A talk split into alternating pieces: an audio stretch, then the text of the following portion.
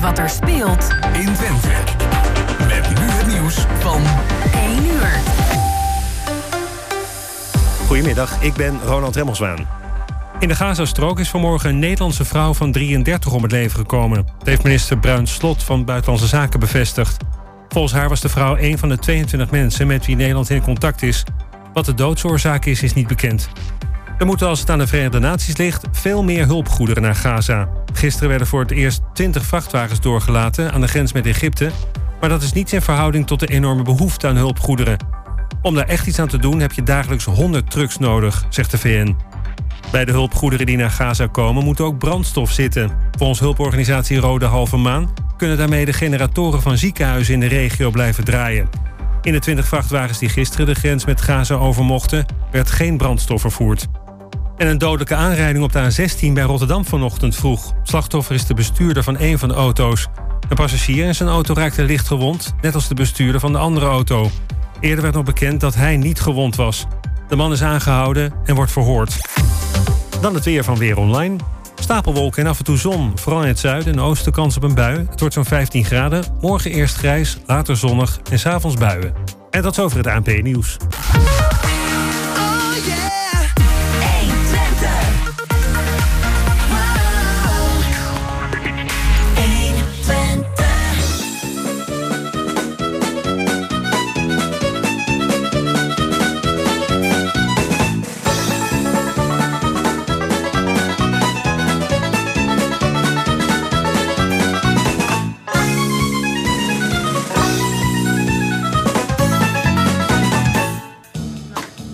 Hartelijk welkom bij het programma Kwartetten op deze zondag 22 oktober 2023. De gasten vandaag zijn Irma Bruggeman, Jan Vis en Jan Bron. Eh, de techniek die doet vandaag eh, Peter Jan Schonen en gespreksleider vandaag is Eddie Pordijs. Allemaal eh, hartelijk welkom, fijn dat jullie er zijn. Maar ik wil eerst even een voorstelrondje doen. Irma, dan begin ik bij jou. Wil je jezelf even voorstellen aan, het, aan de rest aan de luisteraars? Ja. Uh, ik ben Irma Bruggeman, ik ben de nachtburgemeester van Hengelo. En in die taak heb ik, uh, of in die rol heb ik uh, kunstwerkplaats De Mullenwerf opgezet. In het havengebied van Hengelo. Gaan we straks daar heel veel over hebben. Ja, ik, ik ben Jan Vis. Ik ben al een aantal jaar gepensioneerd. ik ben werkzaam geweest bij Axel Nobel als chemicus. Ehm, ik heb een aantal jaar in de raad gezeten als fractievertegenwoordiger en ook in de, in de raad zelf. En uh, verder ben ik nog uh, voorzitter, al jaren trouwens, van Kringloop Hengelo. Dus heel intensief betrokken bij recycling en dat soort zaken. Ja, mijn naam is uh, Jan Bron. Ik ben lang werkzaam geweest in het onderwijs en ook als ambtenaar bij de gemeente Enschede. En de laatste tien jaar van mijn arbeidszame leven ben ik wethouder geweest in Hengelo. Van 2008 tot 2018.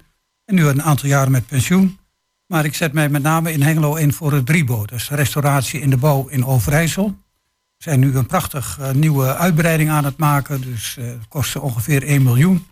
En we leiden daar uh, 60 jongeren op als technicus hout en restauratie. Dat is een mbo-opleiding vallend onder het ROC. We hebben een heel groot depot voor historische bouwmaterialen. En we verzorgen ook bedrijfstrainingen in het hele land.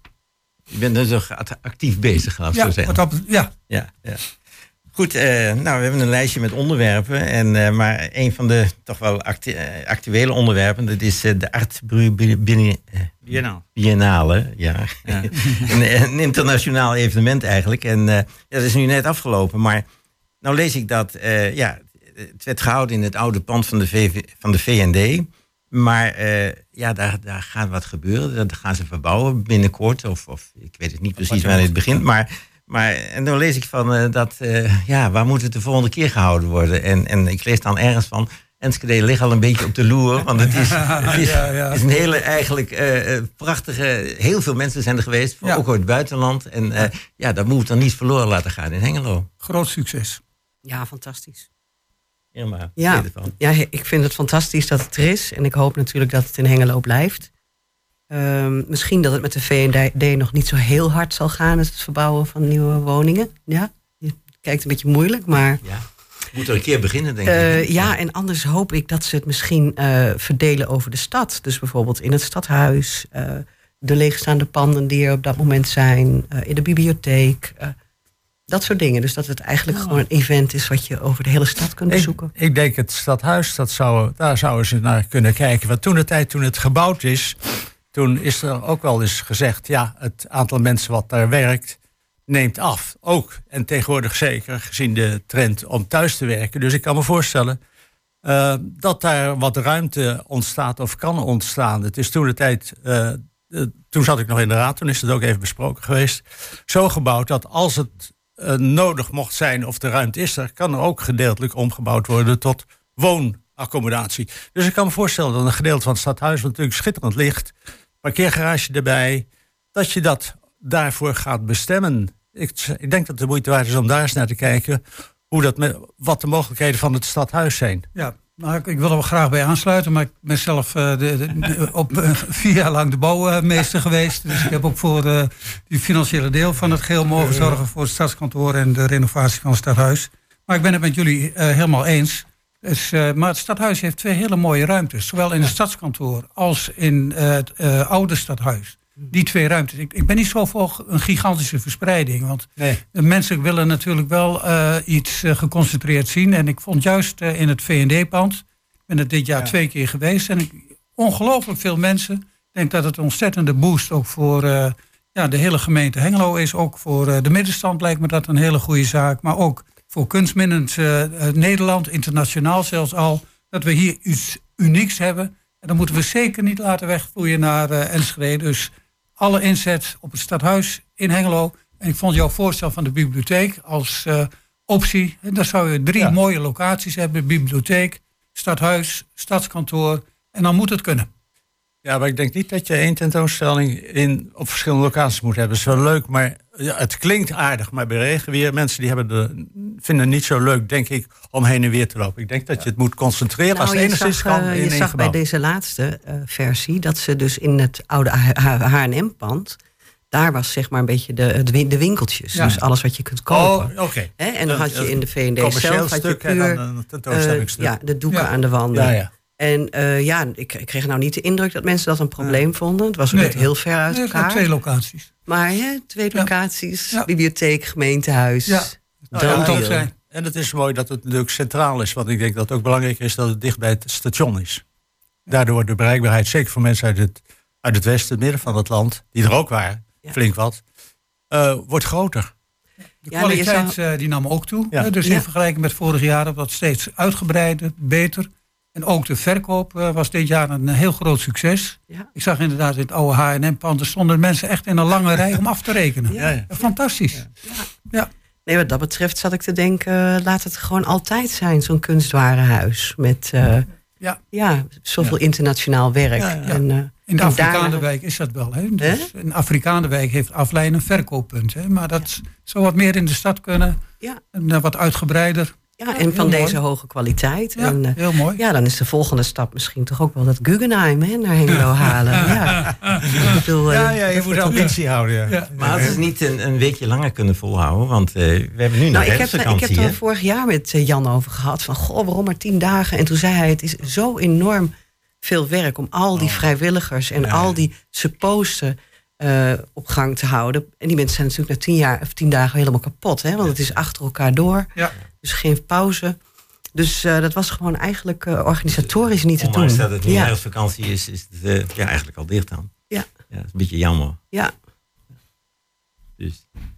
Goed, dat was Dus dan... dat, eh, dat was een succes in ieder geval. Dat Ja, was heel heel duidelijk. goed. En, En, en dat- ruimte dat- voor dat moet in herhaling. Hengelo. Dat Ja. moet in Ja, Hengelo en wat we blijven. alle drie eigenlijk zeggen is van eh, het moet blijven en beter worden. En met mooie suggesties van jou nog er- erbij, dus prima.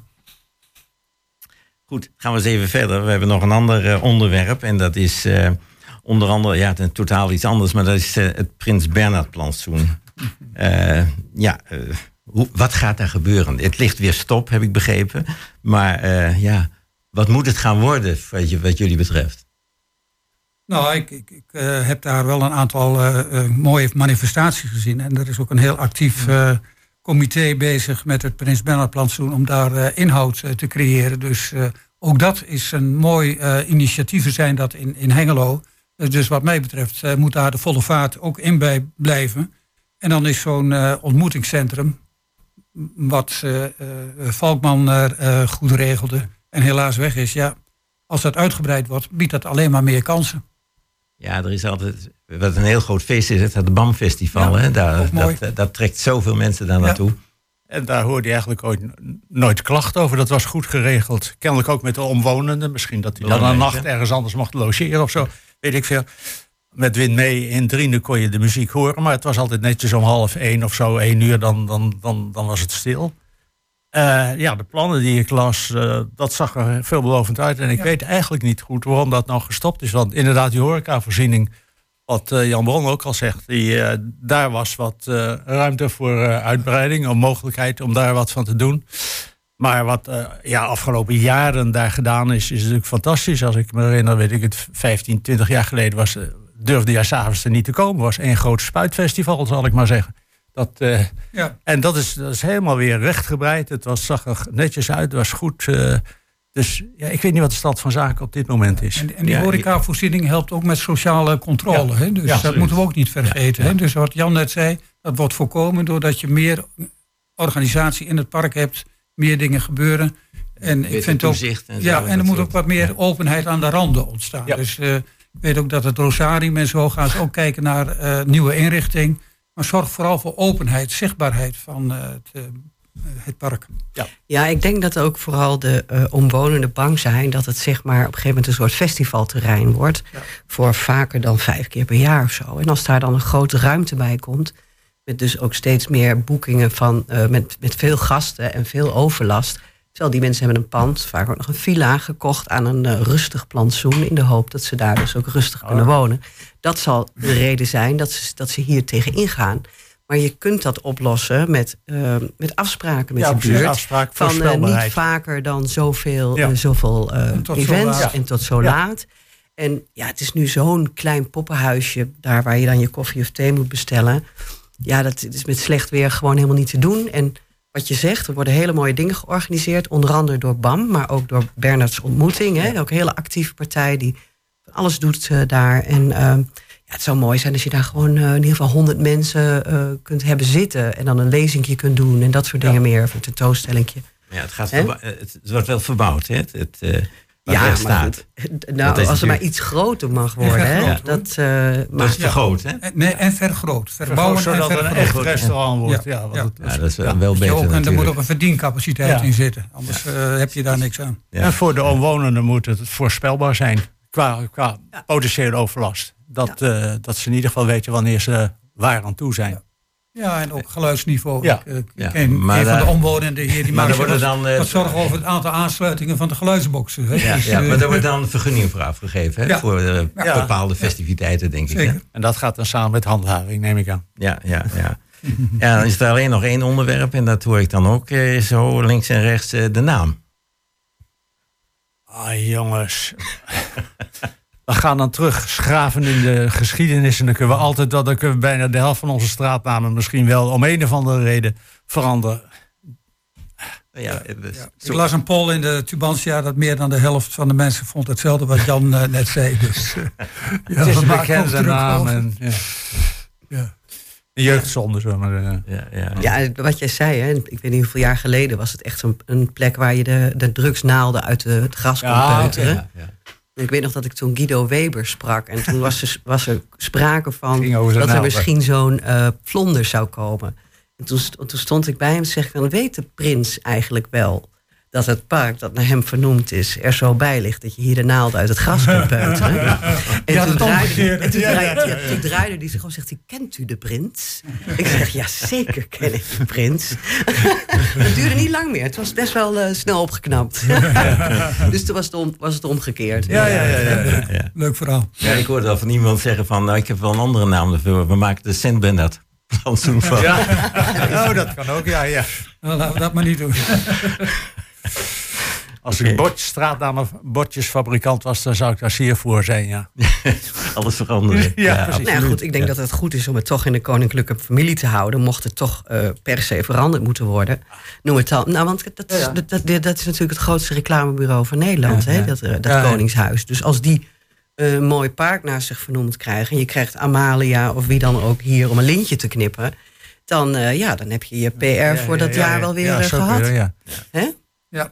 Dus die wordt waarschijnlijk uitgenodigd. Ik zou zeggen prinses Amalia of koningin Amalia plantsoen als het helemaal zover is. Maar, eh, dat lintje doorknippen. Ja.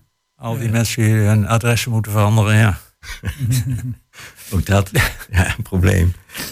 Ja, nou ja, dat is dus het, eh, het park. Ja, maar goed, voorlopig eh, heb ik begrepen, gebeurt er nog niet al te veel in de veranderingen daar. Want alles ligt nog stil. Goed, eh, even een, eh, ja, het lijkt me een tijd om eens even naar een muziekje toe te gaan. We kijken naar onze technicus.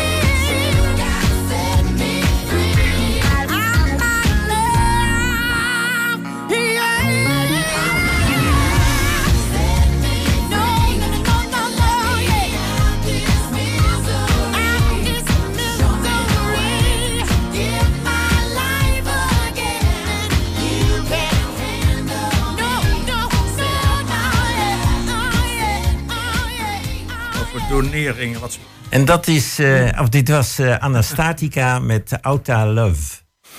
Ehm, ja, energie in Twente. Ik lees, eh, er is veel te weinig energie, elektriciteit in Twente voor de bedrijven. Wat betekent dat? Is dat regeren is vooruitzien. Er wordt niet over nagedacht. Wat, wat gebeurt er? We- Bedrijven krijgen niet genoeg. Maar ja, het is een landelijk probleem natuurlijk. Maar vooral in Ja, Twente ja, ook. Ik, ik denk dat het gewoon onderschat is, want het is inderdaad een landelijk probleem. Het is niet alleen de opwekking, maar het is met name het transport wat een groot probleem is. Hè? Ja. Dus daar heb je infrastructuur voor nodig die inderdaad veel miljarden kost. Ja. Ja, en wie begint daarmee? Dat is voorfinancieren. En eh, ja, dat is. Maar ook vooruitzien natuurlijk. Dit, dit zie je toch ja, aankomen. maar dat geldt natuurlijk bij de regeringsvooruitzien, zeggen ze wel. Dat, eh, dat, is, dat is ook zo. Maar soms moet je heel lang vooruitzien. En ontwikkelingen gaan ook snel. Dit is natuurlijk, ja, door de hele Russische toestand is deze, het besef. Want het aardgas, dat kwam maar binnen, kwam maar binnen. Dus iedereen die stelde dat maar uit. Ja, en ineens word je voor het blok gezet. En dan moet er op korte termijn moet er ineens geïnvesteerd worden in dingen die eigenlijk jaren, ook vergunningstechnisch en technisch eh, en qua arbeidskrachten, moet dat gerealiseerd worden. Ja, en dan heb je even een probleem, ja. Ja, ja. We betalen allemaal in onze maandelijkse rekening een stuk eh, netwerkkosten. Dus, Ja. eh, Ja, en dat is nogal aanzienlijk ook. Ja, Dus eh, ja, dat kun je natuurlijk wel de energiebedrijven, die de, ja, de netwerkbedrijven, want het is ontkoppeld van elkaar, die kun je dat wel kwalijk nemen. Dus, eh, en inderdaad, er moet miljarden geïnvesteerd worden. Ik zie dat wel bij, eh, in Hengelo bij de Slachthuisstraat. Hè? Dus dat daar miljoenen geïnvesteerd is in een nieuw eh, station. Dus Oh, er wordt wel ook. geïnvesteerd. En, Ja, ja, ja. Maar goed, dat blijkbaar nog niet genoeg. En dan zul je met elkaar toch afspraken moeten gaan maken over ja, hoe de energie verdeeld wordt. Ja, want het is nu al zo dat er bepaalde delen van het land, hier Drenthe, misschien hier ook al, dat eh, het gewoon ontmoedigingsbeleid is om zelf energie op te wekken. Want ze zeggen, we kunnen het niet kwijt. We kunnen, we- we- de, de, de straten, de energiestraten zijn te smal gewoon voor alles wat er doorheen moet. Dus je moet eerst de infrastructuur weer maken. Ja, ze zijn aan het ontmoedigen, hè? want ik bedoel, Ja. eh, ik lever zelf ook eh, energie Ja. terug via mijn eh, panelen. Ja. Maar eh, ja, binnenkort is, eh, krijg ik daar geen geld meer voor, maar moet ik bijbetalen. Ja, ja, ja. ja, Dat is toch een eigenlijk omgekeerde wereld. ja, ja. wel een tekort is aan energie. Dus mensen he- hebben een overschot aan energie en dan is er ergens anders een tekort. Ja, Ja, maar, ook het- maar op verkeerde tijden. Hè? Ja, ja. Wanneer er Ja. een overschot is, dan is er geen behoefte. En wanneer er behoefte is, is er een tekort. Dus eh, eh, met name in eh, dagen waarop er weinig zon is, is er een, een, een tekort. En, eh, Ja. ja. Maar dat kan niet op een of andere manier opgeslagen worden. Nou, daar, daar, daar wordt naar gekeken, maar dan praat je over gigantische batterijen. Dat, dat gebeurt hier er- en daar ook wel. Maar dat vraagt weer hele grote investeringen. En dat is met een beperkte capaciteit kennelijk. Je kunt wel lokaal, maar voor de gemeenschap opslaan. Dat is een hele moeilijke zaak. Tenminste, als je dat ze, als dat je willen dat ze je doen wil laten doen. geloven. Ja, Hè? Want we maar hebben natuurlijk eigenlijk nu een verdienmodel met die zon en eh, lekker Nou. die energierekening omlaag. En nou is het in één keer een probleem. Ik Nou, ik, krijg nog, ik krijg nog steeds wat terugbetaald. eh, maar Nee, eh, maar ik- ik maar ja, hoe lang gaat dat? Ik heb Ja. wel eens zoiets gezien, dat was in Wales, waar een grote kerncentrale staat. En daar hadden ze het probleem ook. Een kerncentrales moeten continu draaien. Hè. Die kun je niet s'avonds afzetten en overdag, of eh, s'avonds aanzetten overdag. Dat is een moeilijke regel. Dus die maken continu stroom. Daar werken ze ook het beste. Maar die hadden daar een hele grote eh, watervoorraadbekken gemaakt. En als er wel energie werd opgewekt, maar de vraag was gering, werd dat gebruikt om water in dat grote bekken te pompen. In Nederland is er ook wel sprake van geweest in het IJsselmeer. Eh, en dan, als de vraag groot is en het aanbod is wat minder, dan kun je dat als waterkrachtcentrale, kun je dat water, dat opgepompte water, kun je gebruiken om, eh, om ja, elektriciteit te leveren. Dus dan gebruik je eigenlijk zo'n waterbassin eh, als, als, als buffer, als, als accu inderdaad. Als een, vorm, ja, Ja. een vorm van accu. ja. Dus dat kan wel. eh, alleen ook dat vraagt weer hoge investeringen. Wie, wie financiert dat voor? Ja. Ook dat. Ja. Maar nu lees ik dat eh, de provincie die heeft eh, nu stopgezet dat die, die, die energie of die, die zonnepanelen op die landbouwgronden en zo en op die, dat, dat, dat willen ze niet meer. Ja, maar dat is eigenlijk meer, denk ik, de discussie zonnepanelen versus windmolens. Daar, daar gaat het, denk maar, zijn die twee, drie windmolens die ze daar in de buurt van, van Borne, daar in die hoek willen neerzetten. Die familie die er al heel druk mee bezig is, al een paar jaar, met veel inspraak.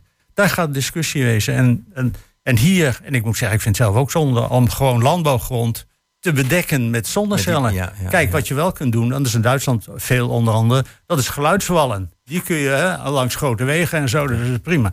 Maar als je daar in de buurt van Frieseveen komt, je komt Frieseveen daar binnen en je ziet aan de rechterkant, eh, bij Deventer zie je dat ook. Gigant, nou bij vierkante kilometers weiland, die bedekt zijn met zonnecellen. Ja, ik, op, ja. zich, op zich heb ik daar niet zo'n bezwaar tegen. Maar ik zou zeggen, wat jij net zegt, zo'n geluidswal. Die geluidswal is dus bedoeld als zichtdoorbreking. hè. dus je, ik zou moeten zeggen, van zet daar mooie bomen, struikgewas omheen. En dan vind ik het prima.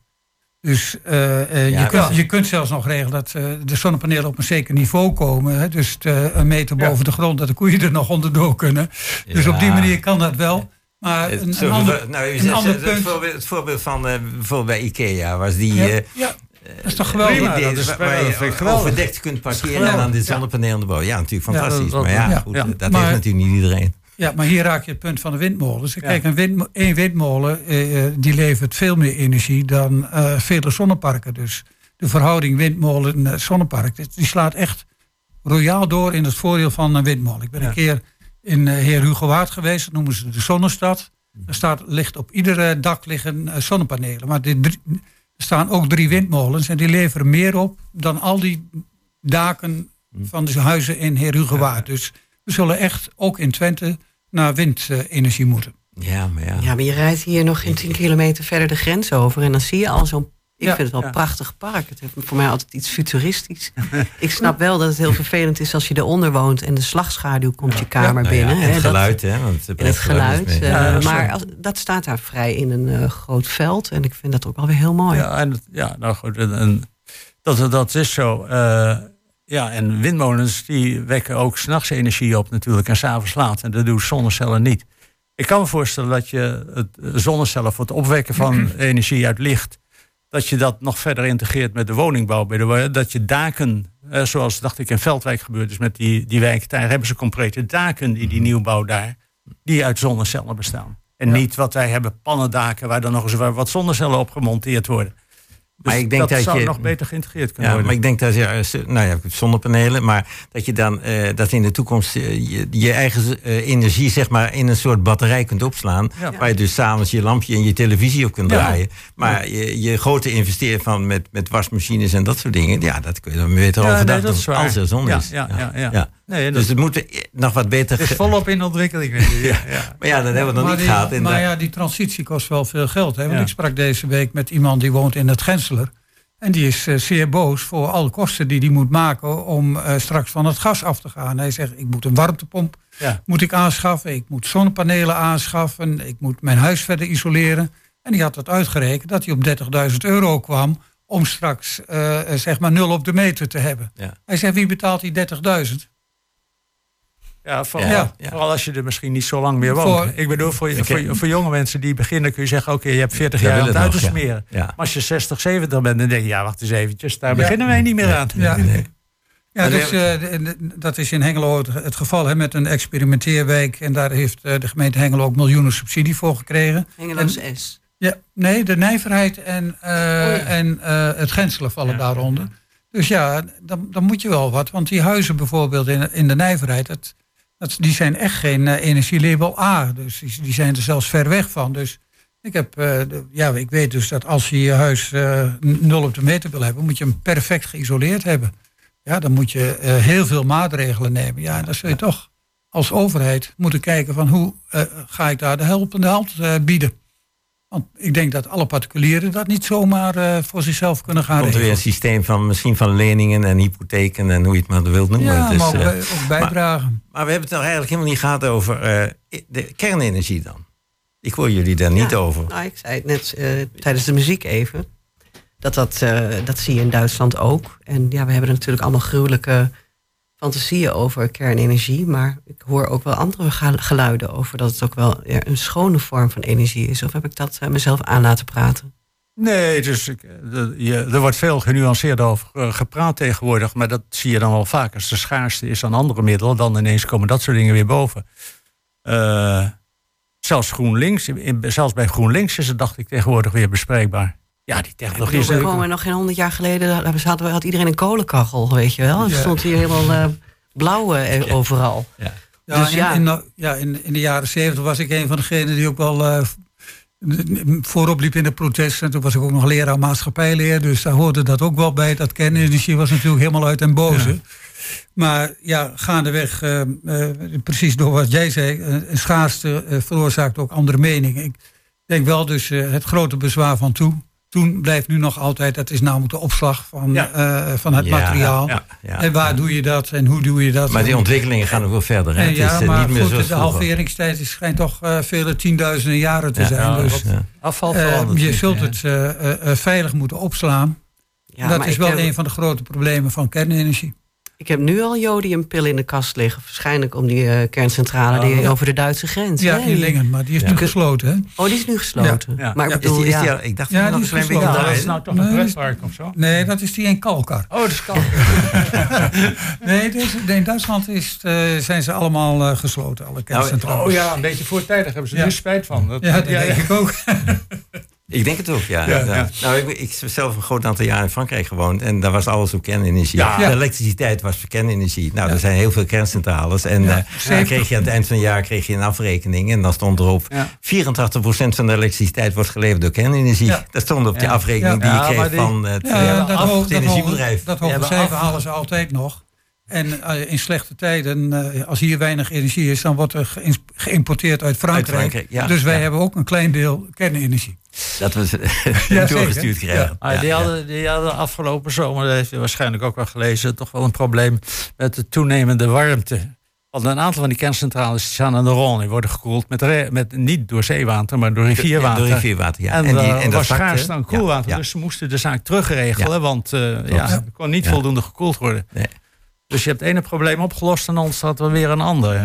Ook met die centrale in Oekraïne, hè, dus aan de Jepperen, dat die Oh ja. ook bang zijn dat Ja, die eh, niet voldoende gekoeld kan worden. Ja. Ja. Ja, die risico's zijn er nog steeds Ja, ja. natuurlijk. Ja. Ja, Goed. eh, onze technicus die start al een klein stukje muziek. We gaan er verder naar luisteren.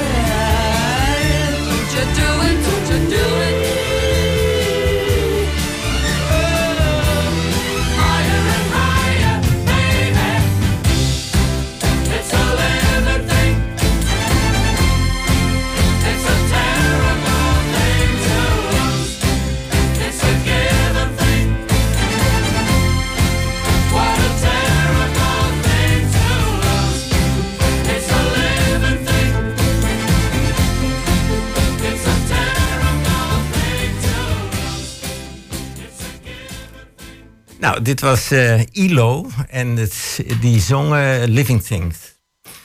Eh, we gaan even verder. Eh, ja, we hadden het nog even over energie. Er wordt hier in Hengelo een, een, een energiemaatschappijtje opgericht. Een soort ja, coöperatie of iets dergelijks. Hebben jullie een idee wat dat gaat worden? Ik niet. Ik, Nou, ik eigenlijk ook niet. Ik, ik lees dat nou, maar het gebeurt natuurlijk regelmatig. Of natuurlijk, het gebeurt regelmatig, dat lees je wel eens. Dat een groep mensen, een wijk of een stad, een wijk, bij elkaar komen en zeggen: Nou, wij, wij gaan een collectief vormen. En dan kunnen wij voordeliger inkopen. Kun wilde je daar lid van worden? Ja, dat lees je wel eens een keer meer. Maar hier in Hengelo weet ik van niet een activiteit. Nee, maar op zich eh, is Ja. het natuurlijk goed als er in een buurt een, eh, een club ontstaat die eh, met elkaar bereid is en, en daar ook plezier in heeft om op een gezamenlijke energie. Maar dit schijnt wel de bedoeling voor heel Hengelo te zijn. Want ze, ze hebben inmiddels een, een kantoortje geopend hier op het stationsplein. Las ik. Ja, maar Ja, dan, eh, en, eh, maar dan kun je opgeven. En, dan, Ja. eh, en de bedoeling is het dan om, om eh, daar geen winst op te maken. Nee, dat, dat, dat ligt. Dus een soort dat, dat coöperatie. kan ik wel voorstellen. Maar op een gegeven moment gaat het toch wat werk kosten. Zul je toch mensen moeten inhuren. Ik denk, ik denk niet dat je afhankelijk wil zijn uitsluitend van vrijwilligers in dit verband. Want daar gaat op een gegeven moment flink wat geld om. Hè, en verantwoordelijkheid. Dus daar moet een zekere professionalisering zal er ook plaats moeten vinden. En continuïteit. En dat is nog wel eens een keer wat moeilijk bij dit soort hele enthousiaste, toegewijde activiteiten. Ja, en ze zouden iets meer moeten doen aan publiciteit, want eh, wij alle drie hebben er nauwelijks over gehoord. Dus, Heel apart. hè, want, Maar eh, daar hebben ze natuurlijk geen geld voor. Maar het is mooi dat mensen zich daar energie, eh, actief voor inzetten. Dat is zeker, ja. Dus eh, een mooie opdracht voor 120 en Tubantia om dat daar wat uit aan te zoeken, doen. hè, hoe dat precies in elkaar Ja, zit. precies. Ja, ja. Goed. Ehm, ja, nog een ander punt, en, en eh, dat kwam ik tegen. En dat is er wat eh, ja, eh, problemen met de afstandscentrale in Twente. Ja, de, de, de gemeente die wil strengere controles. De afstandscentrale zelf wil het niet, die vindt het voldoende. En, en, de, en ze zeggen ook, ja, we hebben geen klachten van de omwonenden. De- hebben jullie er iets van gemerkt? Ja, in die zin, want ik ken de, de eigenaar, dat is Herman Rijnten van Rijnten Infra, waar 17 bedrijven onder vallen. En ik weet dat hij, als er één in Nederland eh, betrokken is bij duurzaamheid, innovatie en eh, goed omgaan met, eh, met je omgeving, dan is Herman dat. Dus ik heb daar alle vertrouwen in dat hij dat heel goed doet. En ik snap hem ook als hij zegt van ja, er moeten natuurlijk wel gelijke maatregelen voor iedereen zijn. En waarom zou hij extra gecontroleerd moeten worden? Ik weet gewoon dat, en dat heeft ook in, in de pers gestaan, dat hij allerlei maatregelen heeft genomen om de uitstoot van die centrale, om dat eh, goed eh, onder controle te hebben en dat het niet eh, boven bepaalde normen uitstreekt. Controle prima, maar het moet geen overdaad zijn. Dus het moet gewoon netjes zijn, netjes zoals het hoort. En we hoeven hier met onze omgevingsdienst, die notabene dat gaat inhuren bij Arnhem. Dan denk ik, ja, is, is er nou een soort van woorden. Aan de ene kant lees ik, we moeten honderden, we hebben de ambitie honderden ambtenaren erbij voor de controles. Ik denk, ja, waar gaat het over? Eh, dat vind ik over de top. Het, het Dus, eh, echt een- controle is goed, maar we, in Nederland hebben we al veel te veel regeltjes. Moeten ons overal aan houden. En, eh, hoeveelheid vergunningen. ja, Dit- dit- ja, ik word er helemaal gek van. Ook ja. met de bouw bijvoorbeeld. Hè. Dus ik, ik, kan daar, ik ben ook bezig met het RIBO. Ik kan daar vele voorbeelden van geven. Hoe bouwinitiatieven in de kiem gesmoord worden door allerlei overheidsregeltjes. dus ik, ik hoop dat het nieuwe kabinet aan deregulering gaat doen. Waardoor er straks ook meer gebouwd kan worden. En de infrastructuur, want het asfalt blijven we gewoon nodig, nodig, houden in ons land. En ja, ja. als dat onder goede condities kan, en ik denk dat Herman Rijnten dat uitstekend kan, dan is het eh, wat mij betreft helemaal top. En eh, weg met eh, een overdaad aan regels. Ja, dat Maar kunnen we, daar, kunnen, ja, kunnen we dat wel terugdraaien dan? Want dat vraag ik me af. Hè? Want Jawel, het gaat steeds wel. verder met, Dat- met het. eh, iedereen eh, eh, Ja. maakt weer een probleem Ja. van een probleem. We hebben een tijd gehad, deregulering, en dan schaffen we één regel af en komen er drie nieuwe regels Precies, bij. precies. En dan hebben we weer mensen nodig die het moeten controleren. Dat wordt ook Dus een beetje veroorzaakt door een angstcultuur. Hè, Ik eh, Nou, ben zelf, eh, eh, eh, toen ik ambtenaar was in Enschede, was ik stadsdeelmanager Enschede Noord. En de vuurwerkramp daar meegemaakt. Hmm. De vuurwerkramp heeft uiteindelijk natuurlijk wel gezorgd voor steeds meer regeltjes. En heel veel mensen zijn gewoon bang geworden om eh, eh, ja, geconfronteerd te worden met fouten. Dus eh, de, de huidige baas van de omgevingsdienst is daar toen de tijd zelf ook bij betrokken geraakt. Dus Dan denk ik, ja, we moeten ook niet allemaal met de billen tegen elkaar aan gaan zitten. Dus we hebben ook werkgelegenheid in ons land nodig. Als ik dan weer lees van, ja, dan gaan we wel naar Tsjechië. Hè? Hoeveel, hoeveel werkgelegenheid Ja, vloeit ja, niet ja. weg, waar de regeltjes veel soepeler zijn. En we zijn allemaal in de Europese Unie. En dan denk ik, in de Europese Unie, wat ik net ook zei, moeten dezelfde regels voor alle bedrijven gelden. Nou, en dan moeten wij in Nederland niet het eh, braafste jongetje van de klas zijn. En dat zijn we nog steeds. Dat zijn wij meer dan. Ik zit met de werf natuurlijk ook in dat gebied. Hè, en ik heb ook te maken met eh, ATC. Het is een, een geweldig bedrijf in die zin dat ze altijd openstaan voor eh, een bezoek met eh, ROC-leerlingen en een aantal kunstenaars. ja, ja. En dan doen we wat workshops. Ze mogen we bij hun grind ophalen. Krijgen we daar een prachtige rondleiding. Nou, die jongeren die hebben echt het gevoel dat ze in een jongensboek staan. Eh, zo spannend is dat daar allemaal. Echt prachtig. En ja, je ruikt inderdaad bij bepaalde windrichting wel dat je denkt: goh, je mag niet meer roken, maar dit mag dus blijkbaar wel. Ehm, maar ik denk dat je vooral moet kijken naar of er gezondheidsproblemen in de omgeving ontstaan. Dat, dat zijn op een gegeven moment harde feiten die je gewoon bij, via huisartsen zou kunnen verzamelen. Van hoeveel meer longklachten zijn er bijvoorbeeld in die omgeving. En als dat dan de spuigaten uitloopt, kun je misschien eh, zo'n partij bewegen wat meer naar een stadsrand te gaan zitten of zo. In plaats van inmiddels toch wel weer meer richting binnenstad. Hè. Wij groeien ook als stad. Dit was vroeger de buitenkant van Hengelo, maar tegenwoordig. eh, Bij de, Ja, best- bij zie de bestemmingsplannen. Ik ben toen nog als verantwoordelijk wethouder hebben we daar eh, de bestemmingsplannen gesoneerd. Dat betekent dus hoe verder naar, naar de bebouwing toe, hoe strenger de maatregelen zijn. En dat is nog niet eens zo heel lang geleden gebeurd. Dus Ja. ik, ja, ik ben het helemaal met je eens hoor. De gezondheid mag nooit eh, in, in het geding komen. Maar dus, eh, voor zover ik het begrepen heb, voldoet die afvalcentrale prima. Dus eh, we gaan, controle, het- we gaan controle, zien moet, straks er, aan de statistieken. eh, controle Jan. moet er natuurlijk zijn. Ja? Hoeveel uh, longkankerpatiëntjes er in de straat Nou, wonen. dan moet je ook, ja, als je dat mee gaat beginnen, dan denk ik dat het heel moeilijk wordt. Want een mooi echt oorzakelijk verband moet je aantonen. Eh, dit bedrijf wordt, aan dit bedrijf wordt door de overheid eisen gesteld. Vergunningen worden afgegeven. En ze voldoen daar, neem ik aan, aan. Ja. En dat er dan van bepaalde situaties overlast is, ja, dat begrijp ik. Maar dat geldt voor geluidsoverlast. We hadden het net over Prins Bernhard plantsoen. Zie hem dito natuurlijk, is een andere vorm van overlast. Dus ja, dan, moet je, dan kun je wel gaan klagen. Maar dan moet je bij de overheid klagen. Oh, dan moet je strenge eisen stellen. Moet je aantonen, kunnen aantonen ook dat die eisen die je stelt... de relatie hebben tot minder overlast. Ja, ik denk dat het in bepaalde situaties vervelend is... eh, dat je daar, eh, als je daar woont... eh, wat ik er straks al zei bij de introductie... ik heb bij AXO gewerkt. Ik heb die hele se- seance meegemaakt jaren geleden om de eh elektrolyse, het chloorproductiebedrijf, waar toen één keer een uitbraak is geweest, om dat te verplaatsen. Anders kon, Jan die weet er alles van, het hart van Zuid niet ontwikkeld worden. Hè, door de Ja. potentiële dreiging. Het was niet eens dat overlast als zodanig, maar potentieel zou er iets kunnen gebeuren enzovoort. Nou, toen is er een hele toestand op, op, op, op poten gezet, met een hoop subsidie natuurlijk, om dat bedrijf naar Delfzijl te krijgen. Want ze, nou, die, die combinatie is onhoudbaar. Dus je kunt in een situatie komen dat het, dat het onhoudbaar wo- wordt. Nou, ik, bij de asfaltcentrale heb ik op dit moment ook niet het, de indruk, helemaal niet. En dat er van tijd tot tijd wat overlast is, ja, dat kan ik me ook voorstellen. Maar dat, wat ik al zei, dat hebben we bij het Prins Bernhard Plantsoen en andere dingen ook wel gezien. Mhm. Dus eh, ja, Ja, en bovendien lig je aan de rand daar van een van de grootste bedrijventerreinen van, eh, van Overijssel. Hè? Yes. 20.000 eh, FTE's in het hele gebied. Hè? Dat moeten we ook niet vergeten. Ja. Belangrijk. Ja. Nee, het is heel mooi. Wij zitten tussen Thales en Stork in. Dus eh, een hartstikke stoer gebied. Maar ik denk inderdaad dat heel, wat heel goed is, heel belangrijk is, eh, wat Irma er straks ook al zei. ehm, dat het bedrijf heel open is, regelmatig mensen laat komen, eh, gewoon klachten ook Serieus. nee. serieus neemt. Ja, een PR is ontzettend Heel belangrijk. belangrijk. Ja. Ja, En dan ja. niet om de zaak schoon te wassen, maar om te laten zien waar je mee bezig bent en waarom het is. Ja, Herman heeft bijvoorbeeld ook een eh, rentmeester eh, eh, tweede- 2050 in dienst.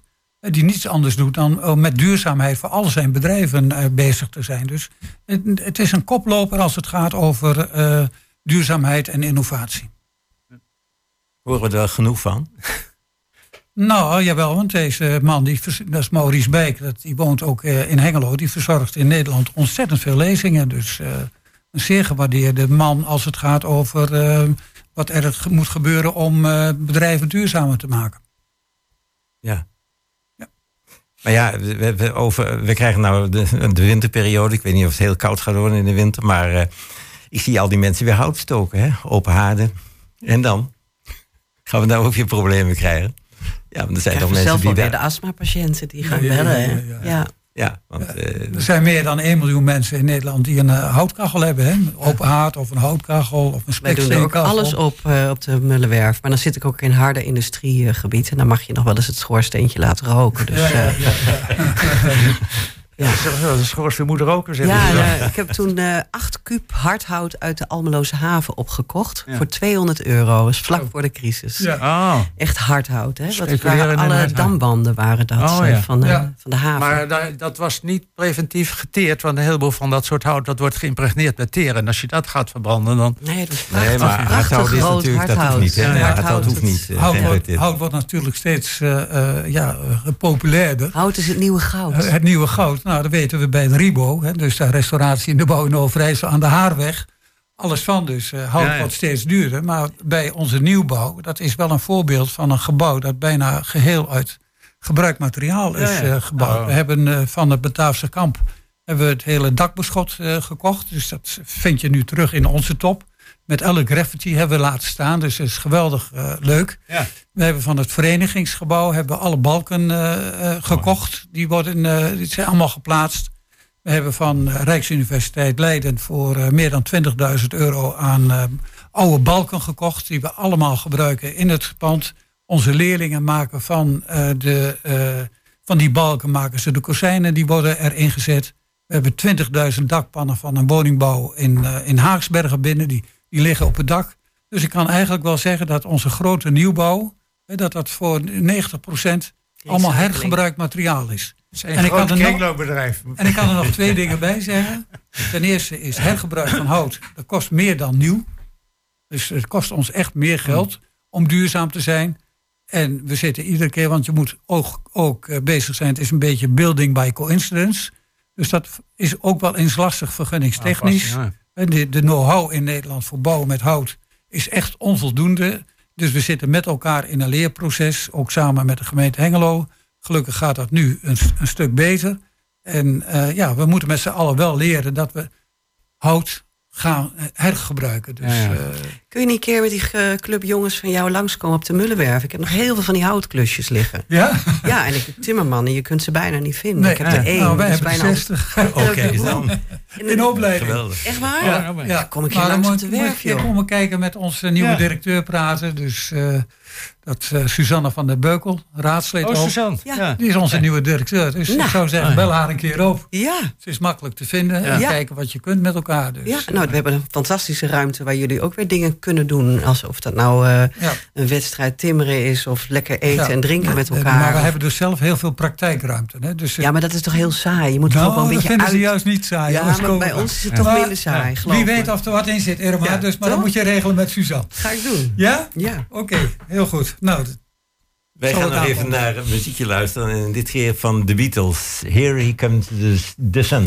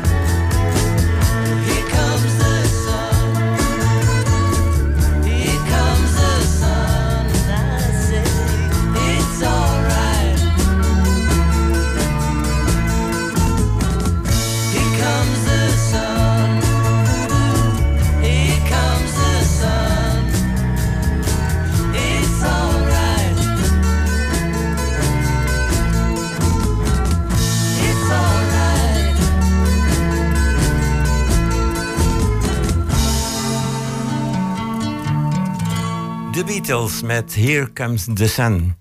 Ja, het Repair Café hadden we straks even. We gaan er toch even mee door. Ja, nou wij eh, gaan, eh, als de nieuwbouw ge- gereed is, gaan we ook een repaircafé doen. Dus voor mensen die dan eh, allerlei houtartikelen hebben die dat eh, hulp willen hebben bij de restauratie, eh, dan kan dat. Dat heeft natuurlijk heel wat voeten in aarde, omdat dat eh, natuurlijk na afloop eh, moet gebeuren, kan niet ter plekke. Maar we gaan dan eh, instructies geven en ook een soort contractje maken van eh, onder welke condities dat eh, gemaakt kan worden. En naast het repaircafé hebben we straks ook een innovatieve ruimte om mensen te laten zien hoe ze eh, hun eh, monumenten kunnen verduurzamen. Ja, ja. En, eh, maar dan ga ik even door. Met de Wechtersweg gaat ook zoiets gebeuren, toch? Hoe, hoe- Ja, wat dat- gaat daar ontstaan? Dat, dat, dat, dat, dat- een aantal jaren dreigt het al te gebeuren, ja. Maar goed, dat is eh, wat vertraagd, zal ik maar zeggen, door allerlei bureaucratische en eh, ja. Vergunningen, waarschijnlijk. Ja, vergunningen, maar nou ja, oké. Eh, ook misschien omdat het een project is waar een aantal partijen bij betrokken zijn. Dan wordt het meestal ook wat ingewikkelder door. Eh, eh, de bedoeling is dat, en dat project dat, dat, dat loopt nu al een poosje. Er is de gemeente bij betrokken, is Twente Milieu bij betrokken, ROC is erbij betrokken. Om aan de weg dus weg, die, die vrije ruimte die er is, om een nieuw kringloopgebouw te bouwen. En met daaraan gekoppeld, en dan eh, kom ik bij, eh, haak ik in bij Jan Bron, ook daar een, wat dan op zijn Nederlands heet Restore en Recycle eh, centrum te bouwen. Dus de mensen komen binnen. Ik heb dat in Oost al eens een keer in werking gezien. Andere plaatsen hebben dat ook. Mensen komen met spullen binnen. Dan wordt het bekeken, kan het verkocht worden? En dan gaat het direct naar de kringloop. Moet er iets aan gerepareerd worden? Dan gaat het één stapje verder, fysiek. Waar ze naar dat repaircafé of, of hoe je dat ook noemt, gaan. En daar wordt dan gerepareerd en gerenoveerd en weet ik wat allemaal. En wat echt niet, eh, waar niemand wat mee kan behalve afval, dan rij je gewoon door. En dan breng je dat bij het afvalbrengpunt, bij de, bij de start zal ik maar zeggen zelf. Wordt dat een, een professioneel iets? Of, of zijn dat toch ook weer mensen die, die repaircafés, dat is meer, eh, nou ja, m- mensen die dan graag wat willen doen eh, nee, in nee, hun nee, nee. Maar- Of wordt dit heel Ja, dat is professioneel? pro- professioneel. Ja, Kijk, dus met echt fouten. Hengelo is, is onderdeel van Goed. We zijn een zelfstandige stichting. We kunnen- er ook weer uit als we niet. We zijn onderdeel van het Goed Nederland. Eh, eh, nee, laat ik het zo zeggen. We hebben het hele managementgebeuren, het professionele managementgebeuren, hebben we uitbesteed aan het Goed Nederland. Die hebben 27 bedrijven in Nederland van allerlei soorten en maten, groot, klein.